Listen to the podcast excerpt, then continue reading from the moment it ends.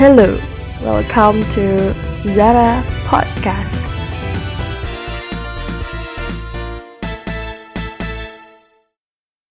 Assalamualaikum warahmatullahi wabarakatuh. Halo semuanya, perkenalkan saya Zara Gisti. Pada kesempatan kali ini, saya akan berbincang dengan teman saya, yaitu Arzeti Ayu Cendikia, mahasiswa jurusan Keperawatan Universitas Indonesia. Nah, topik yang akan kita bahas adalah pendapat generasi muda di tengah kemunduran etika dalam bermedia sosial. Langsung aja kita panggil Zetinya ya. Halo Zeti, selamat malam. Selamat malam juga. Gimana kabarnya? Alhamdulillah baik, tapi uh, agak lumayan capek juga. Dengan tugas-tugas yang menumpuk itu ya berusaha hmm. untuk tetap baik-baik saja. Oke, okay, kita langsung tanya aja. Uh, Zeti, di tengah era new digital ini, hmm. di dunia yang udah modern ini, menurut kamu seberapa penting sih sosial media di buat kamu pribadi? Hmm, Oke, okay, jadi di era yang serba canggih ini, tentunya sosial media itu penting banget ya, apalagi di masa pandemi ini, di mana pembelajaran itu dilakukan secara daring dan otomatis harus uh, lewat sosial media juga seperti berdiskusi lewat WhatsApp atau lain kayak gitu. Jadi penting banget buat keseharian juga kayak gitu. Dan apa ya? Kayak di sosial media itu banyak banget informasi-informasi yang saya butuhin dan juga sampai informasi yang gak dibutuhin gitu semuanya tuh ada. Sampai yang kayak kredibilitasnya itu tinggi sampai yang hoax kayak gitu kan itu ada semua. Dan emang apa ya setiap hari pasti bukanya tuh sosial media karena untuk cari berita-berita gitu itu tuh jarang banget. Saya lihat dari koran atau dari TV karena kayak kurang menarik aja gitu. Jadi emang kalau dari kita itu pasti dari sosial media dulu yang pertama kayak tahu berita ini tuh pasti dari sosial media dulu kayak gitu sih jadi emang penting banget gitu Iya betul banget sih. Sekarang semuanya sudah beralih ke sosial media. Koran-koran juga sekarang udah dicetak secara modern gitu ya. Oke, nah selama kamu menggunakan media sosial, media sosial itu udah mempengaruhi hidup kamu nggak sih? Dia memberikan efek apa aja gitu? Banget, mempengaruhi banget. Jadi ada efek baiknya dan juga ada efek buruknya gitu sih ke kehidupan. Jadi waktu itu pas lagi kelas 12, lagi zaman SBMPTN, belajar SBMPTN, jadi uh, dulu tuh emang nggak pernah main Twitter kan. Terus pas kelas 12 ditawarin, bukan ditawarin sih, kayak di diajak gitu buat main Twitter. Oh, diajak sama siapa tuh? sama Agusti. sama Agusti saya yang rajin ya. Iya. Terus akhirnya download Twitter, pas download Twitter itu apa ya? Uh, mulai ngefollow akun-akun ambis gitu. Jadi kayak biar ikutan ambis gitu. Terus uh, emang beneran jadi ambis sih. Kayak setiap buka Twitter tuh pasti ada yang ngebahas soal, terus nge-share catatan-catatan buat SBMPTN kayak gitu. Terus uh, bahkan waktu itu tuh tahu soal uh, kitab numerik yang buat uh, latihan soal apa namanya pengetahuan kuantitatif itu dari uh, Twitter kayak gitu. Kalau misalkan gak main Twitter pasti ya saya udah tahu kitab numerik itu apa kayak gitu. Terus uh, banyak banget soal-soal yang uh, belum pernah ditemuin buat belajar SBMPTN itu yang belum enggak belum pernah ditemuin itu ada di Twitter kayak gitu. Jadi kebantu banget pas lagi SBMPTN walaupun hasilnya uh, kayak nggak dapat atau nggak lulus SBMPTN sih. Terus juga waktu itu uh, apa namanya ngefollow juga Kak Fauzan Al Rashid yang uh, sering ngebahas tentang pemahaman baca dan menulis dan itu benar-benar apa ya pas dia kayak ngejelasin tentang bagaimana penggunaan tanda baca, terus penggunaan kapital, terus uh, konjungsi dan sebagainya yang berhubungan dengan uh, sebab uh, pemahaman baca dan menulis itu benar-benar kebantu banget walaupun waktu itu uh, ikut bimbel tapi ternyata lebih paham pas di dikasih tahu Betul. atau di iya kayak baru paham banget itu pas ngeliat dari Twitter itu jadi itu uh, kebantu banget di situ sampai sekarang pun uh, apa namanya pelajaran itu tuh kepake karena di apa namanya di kuliah juga disuruh buat esai gimana judulnya harus benar terus penulisan daftar pustakanya kayak gimana terus uh, dari koma-komanya juga diperhatiin banget gitu sama dosen jadi ya walaupun nggak lulus SBMPTN tapi pelajaran yang itu tuh benar-benar kepake sampai sekarang. Jadi itu yang bikin uh, media sosial itu berefek baik uh, di kehidupan saya. Terus abis itu untuk efek buruknya paling kayak apa ya? Misalkan lagi belajar, terus tiba-tiba ada notif dari Instagram atau dari Twitter atau Line atau WhatsApp kayak gitu kan jadi ke distract terus akhirnya nge-scroll, nge-scroll, nge-scroll, sejam, dua jam, terus akhirnya nggak jadi belajar, kayak gitu. Lupa ya itu yang bikin, ya lupa waktu dan jadi nggak produktif gitu kan.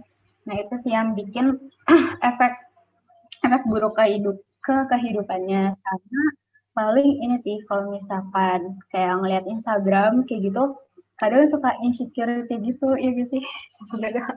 Iya benar sih benar aku juga gitu.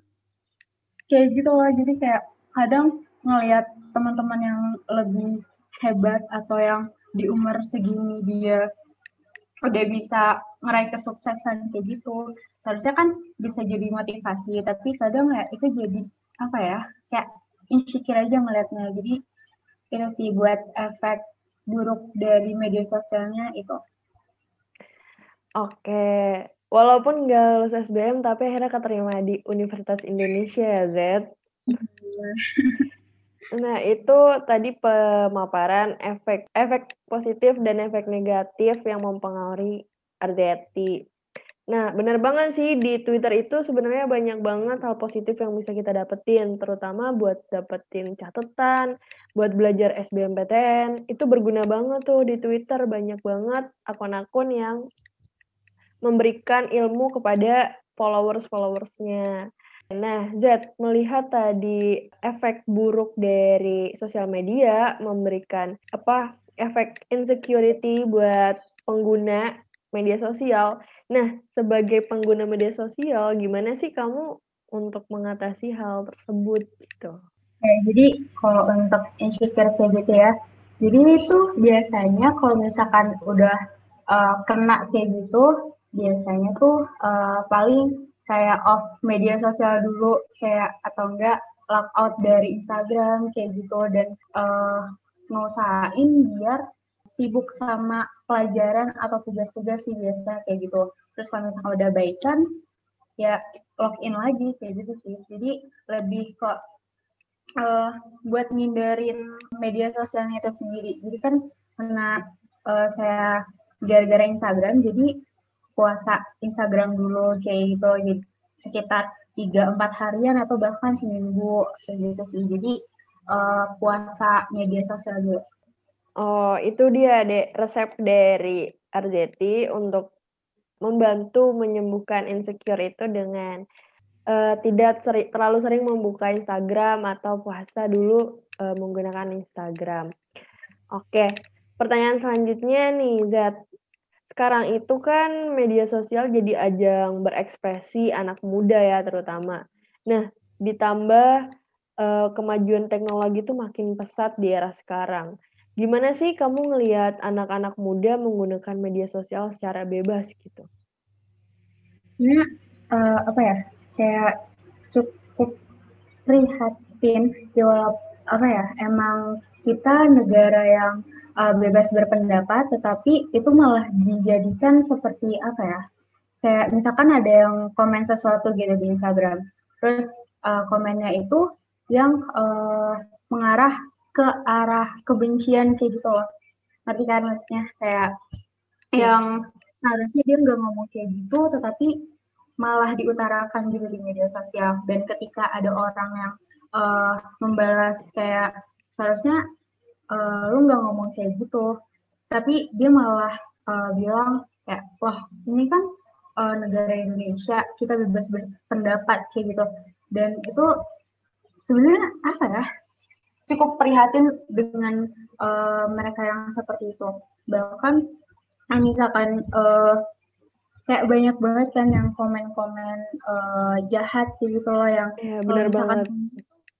kalau misalkan komen nggak pakai dipikir dulu langsung ketik aja dan mereka uh, apa nggak mikir gitu. Bahwa uh, komenannya itu bisa menyebabkan uh, banyak orang yang kayak makin apa ya mentalnya itu jadi down kayak gitu loh. Banyak banget kan yang uh, sampai akhirnya mental. bunuh diri ya walaupun cuma dari kata-kata doang tapi ya itu bisa mempengaruhi mentalnya gitu. Gitu sih. Iya, itu juga tuh salah satunya uh, kebebasan orang dari berekspresi. Mereka seenaknya aja ngomong kok berkomentar di akun media sosial orang lain. Padahal bisa aja itu menyakiti hatinya dia menyakiti mentalnya dia gitu. Nah itulah yang menjadi kemunduran moral generasi muda sekarang. Nah menurut kamu nih Zed gimana sih kita menyikapi kemunduran moral yang terjadi pada generasi muda sekarang? Jadi uh, pribadi sendiri itu uh, kayak kayak saya tuh meyakinin diri sendiri tuh uh, supaya nggak terbawa arus gitu loh, nggak terbawa arus yang ke arah uh, mereka gitu. Kayak uh, apa ya untuk bisa beretika juga di dalam media di dalam media sosial tapi bukan hanya di dalam media sosial juga tapi di kehidupan kita sehari-hari juga kita harus beretika punya etika gitu karena di dunia ini kan kita bukan hanya sendiri ya kayak kita tuh dikelilingin banyak orang kayak gitu yang uh, bahkan di Indonesia ini kan punya budaya yang berbeda-beda. Terus uh, masyarakatnya heterogen punya sifat yang berbeda-beda dan uh, masih apa ya masih masih kental gitulah budayanya gitu kan di dalam kehidupan sehari-hari ini. Jadi di dalam uh, ber bersosialisasi itu pasti banget harus uh, punya etika karena ya itu tadi kita di sini nggak sendiri kayak gitu jadi harus menghormati orang lain juga kayak gitu sih. Oke kita lanjut seperti yang dikatakan Jeti, beretika itu sangat penting ya. Nggak cuma di sosial media, tapi dalam kehidupan sehari-hari juga penting untuk beretika. Seperti yang tadi Arzeti bilang, beretika itu nggak hanya harus di media sosial, tapi di dunia nyata juga harus begitu. Nah, Z, dalam menerapkan etika di media sosial, apa aja sih yang udah kamu terapkan? Ya, jadi uh, yang udah diterapkan ya uh, seperti ketika ingin ngepost sesuatu itu kayak dipikir-pikir dulu gitu loh. Jadi uh, ini tuh layak buat diposting atau enggak?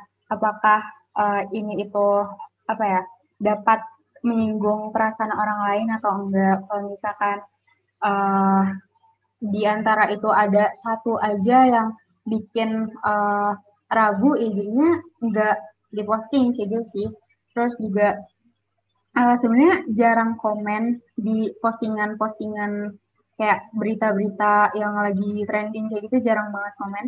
Karena uh, kadang tuh gimana ya kalau misalkan nggak tahu gitu kayak nggak tahu sebenarnya berita ini tuh uh, apa ya berita ini tuh kayak palsu atau beneran beneran benar kayak gitu loh beneran yang dari sumber yang kredibel kayak gitu itu tuh mendingan kayak gak usah komen gitu karena kalau misalkan komen kayak bikin diri sendiri kelihatan bodoh gitu loh apalagi kalau misalkan nggak ngerti nggak ngerti masalahnya itu apa terus tiba-tiba nyinggung kayak tahu kayak ya sesaat tahu dan malah bikin jadi bumerang buat diri sendiri. Oke, Aldati, uh, kita masuk ke pertanyaan selanjutnya. Nah, uh, ngomong-ngomong berbicara tentang beretika di media sosial, dari jurusan kesehatan sendiri, belajar nggak sih beretika di media sosial? Ada nggak sih pelajaran kayak menyebarkan info info-info kesehatan di media sosial gitu? Ya, jadi ada uh, salah satu mata kuliah namanya komunikasi kesehatan. Di situ ada sub materinya itu uh, tentang komunikasi massa. Jadi uh, di komunikasi massa itu kita mengkomunikasikan atau menyebarkan informasi tentang kesehatan uh, di media massa yang penyebarannya itu uh, luas kan dan uh, penyebarannya itu luas dan juga secara dalam waktu yang serentak kayak gitu. Terus uh, salah satu media massa itu kan contohnya adalah sosial media. Jadi di situ juga di dalam komunikasi massa itu ada hal yang harus dilakukan dan ada hal yang tidak boleh dilakukan. Contohnya kayak misalnya uh, hal yang tidak boleh dilakukan itu uh, kayak kita jangan sampai menyinggung uh, ras dari uh, ras dari suku di Indonesia kayak gitu. Terus juga jangan apa ya, uh, jangan sampai mengundang perdebatan juga gitu dan uh, sebisa mungkin informasi yang kita berikan itu, informasi kesehatan yang kita berikan itu sebisa mungkin dapat diterima oleh masyarakat. Gimana caranya kita bisa menempatkan uh, posisi gitu di tengah-tengah masyarakat yang heterogen kayak gini kan, yang budayanya berbeda-beda, yang uh, apa namanya yang pokoknya memiliki sifat yang berbeda-beda itu kayak gimana caranya kita bisa mengubah perilaku uh, dari masyarakat itu sendiri. Jadi uh, seperti yang tadi yang hal yang tidak boleh dilakukan itu kayak misalnya uh, menyebarkan berita hoax kayak gitu yang uh, yang sebenarnya kita belum tahu atau belum apa ya belum di ditindaklanjuti atau dicari tahu lebih dalam apakah uh, ini benar berita yang apa namanya berita yang uh, benar-benar faktual.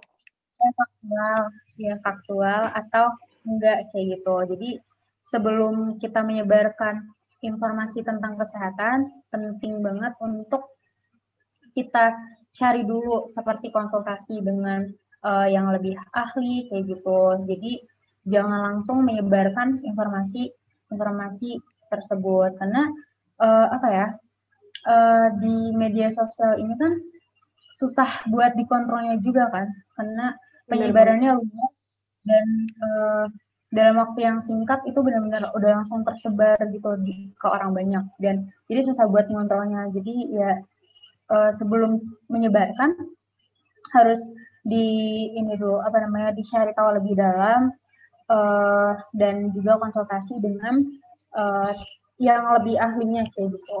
Terus juga uh, apa namanya dalam menyebarkan informasi itu uh, apa ya?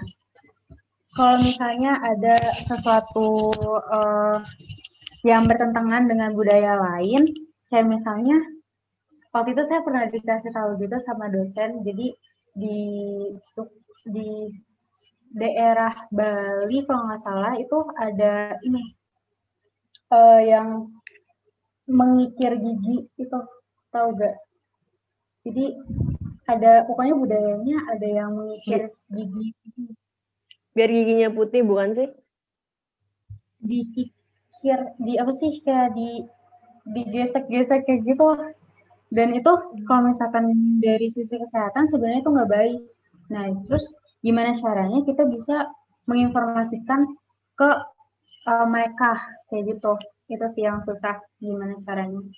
Kayak gitu. Jadi kalau dari yang saya pelajari untuk menyebarkan informasi kesehatan itu tadi terus lihat atau kita harus hati-hati dalam menyebarkan informasinya juga harus lihat dari apa namanya target kita atau sasaran kita itu apa terus kita lihat dari budayanya kayak gimana kayak gitu sih.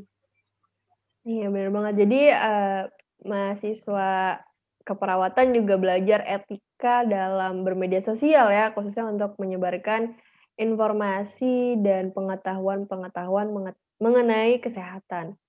Nah, itu benar banget sih, Z. Kita kembali lagi ke kita, pintar-pintarnya kita menggunakan media sosial, gimana caranya kita membagikan informasi yang benar aktual dan bukan berita yang hoax gitu.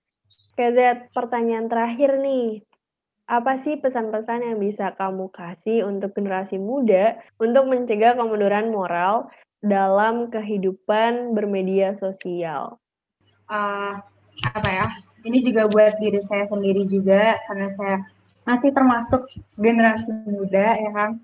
Jadi uh, sebaiknya dalam bermedia sosial itu kita harus hati-hati gitu lah istilahnya kayak makan aja ada etikanya kan apalagi menyangkut uh, orang banyak gitu di media sosial yang uh, cakupannya itu luas banget. Dari mungkin dari seluruh Indonesia pasti uh, punya media sosial gitu lah istilahnya. Dari segala umur juga punya uh, media sosial dan uh, di mana kita benar-benar harus berhati-hati gitu. Harus berhati-hati dalam uh, berbicara atau memberikan komentar uh, terhadap suatu postingan dan uh, apa ya untuk menerima uh, suatu informasi sebaiknya juga dicari tahu lebih lanjut apakah informasi tersebut itu benar atau mempunyai kredibilitas yang tinggi atau termasuk punya termasuk informasi yang hoax gitu kan. Jadi kita harus pinter-pinter banget untuk memilahnya gitu. Jadi sih paling ya harus uh, untuk apa ya untuk selalu menjaga bicaranya. Karena uh, nantinya omongan atau ketikan kita itu akan menja bisa menjadi bumerang bagi diri kita sendiri. Jadi benar-benar harus dijaga gitu.